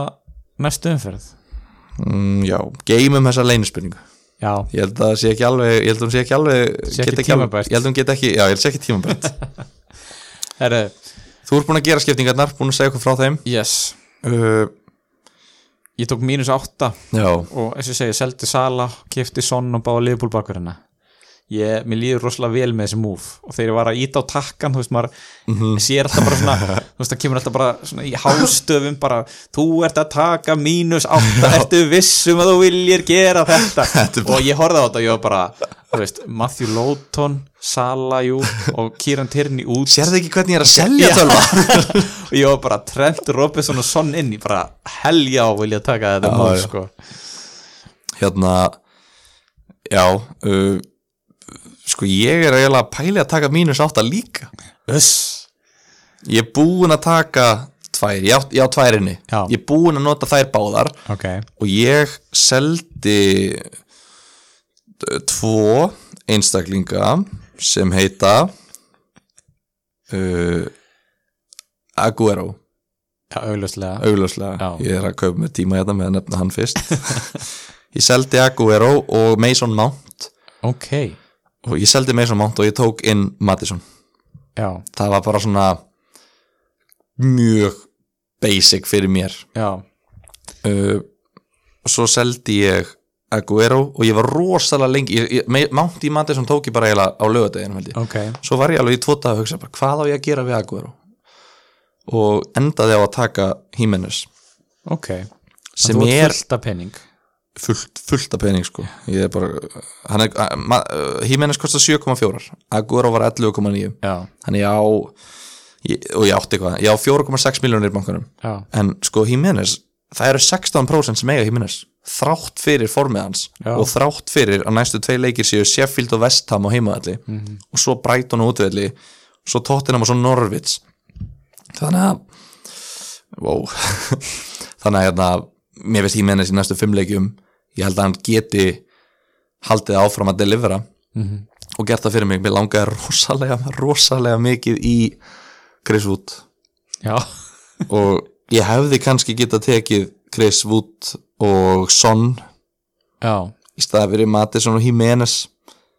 en máli bara að Burnley er að fara í held ég svona pínu trikki í fixtures Já. og líka, þú veist, ég vissi ekki með Tottenham næ þannig að þetta er eiginlega svona Matisson og Jimenez eru svona fyrir næstu fjóra leiki það er bara svona næstu fjóra leiki sem að ég ætla bara að treysta á þá um, En hvað er þess að tvær breyting sem þú veist að pæli að gera aukalega? Já, það er nefnilega það sem ég er að pæla að uh,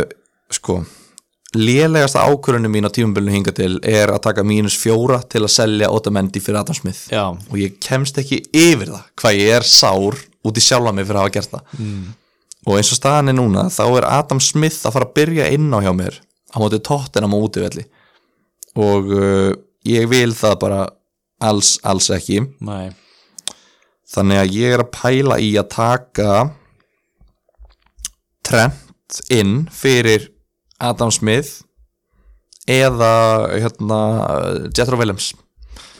ok, ég sagði það, ég veit ekki hana ég er að pæla í að skila Williams og, og ég ætla ekki að stökku að vagninum næ, en ég ætla að stoppa lestina já ég ætla að ganga með höfuð hátt mm. uh, af vagninum Afhenda líklana? af, ég, af, afhendu, ég skil líklana bara eftir Já, í, í lestinni í, já, Þannig bara í- næsti getur bara stokkið inn og já, já, tekið það, við. það eru menn á lestinni Já. það er fullt af mönnum á lestinni Já, það getur svo sem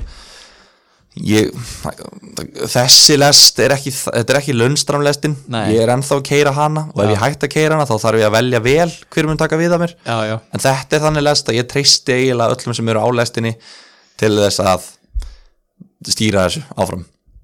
þannig að ég mun ganga hægt út á lestinni og uh,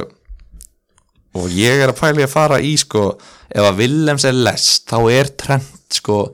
hann er einhver, einhvers konar engaþóta Já, ég er að fara bara inn í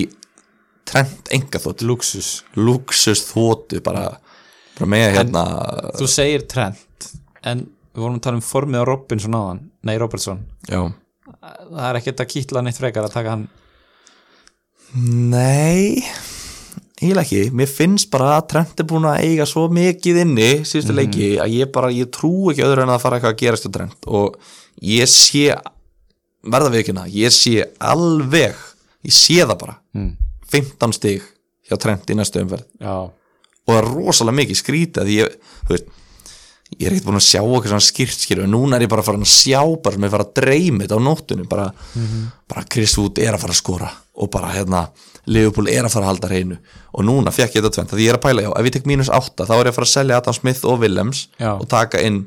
Trent og ég næg ekki að taka inn Robertson þannig að ég er að pæla að taka inn Matt Doherty ok á 6 miljónir Já, og það er ég veit ekki, þetta er einhver mjög sterk tilfinning Doherty á móti Sheffield heima, Trent á móti Brighton heima mér líður rosalega mikið eins og annar þeirra muni fá 15 stig muni skora, halda hreinu og fá bónus og ég er, svo, le- ég er svo vissum að ég sé að fara bara að taka Trent og það verður Doherty sem var 15 stigin og ég verð brjálaður í næsta þetta sko já, en uh, það er engin leið engin leið að spá fyrir um það svo sem nei, nei En hérna uh, tökum bara, þetta er alveg ansið langt hjá okkur Já. Við tökum bara örstuðt næstu umferð uh, Líður vel með liðið mjög vel Já, uh, það er bara þetta er, þú veist, City á móti Newcastle manni á móti Aston Villa, Liverpool á móti Brighton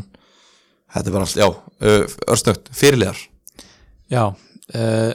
Ég ætla að mynda að segja Mér líður rosalega vel með mitt lið uh, 11, þessi 10 af 11 leikmennum eiga heimaleg það er geðvikt það er geðvikt að horfa upp á svoleiðis umferðir uh, vörnin eh, varnastíin munu bara liggja hjá tveimur liðum lestir og liðbúl,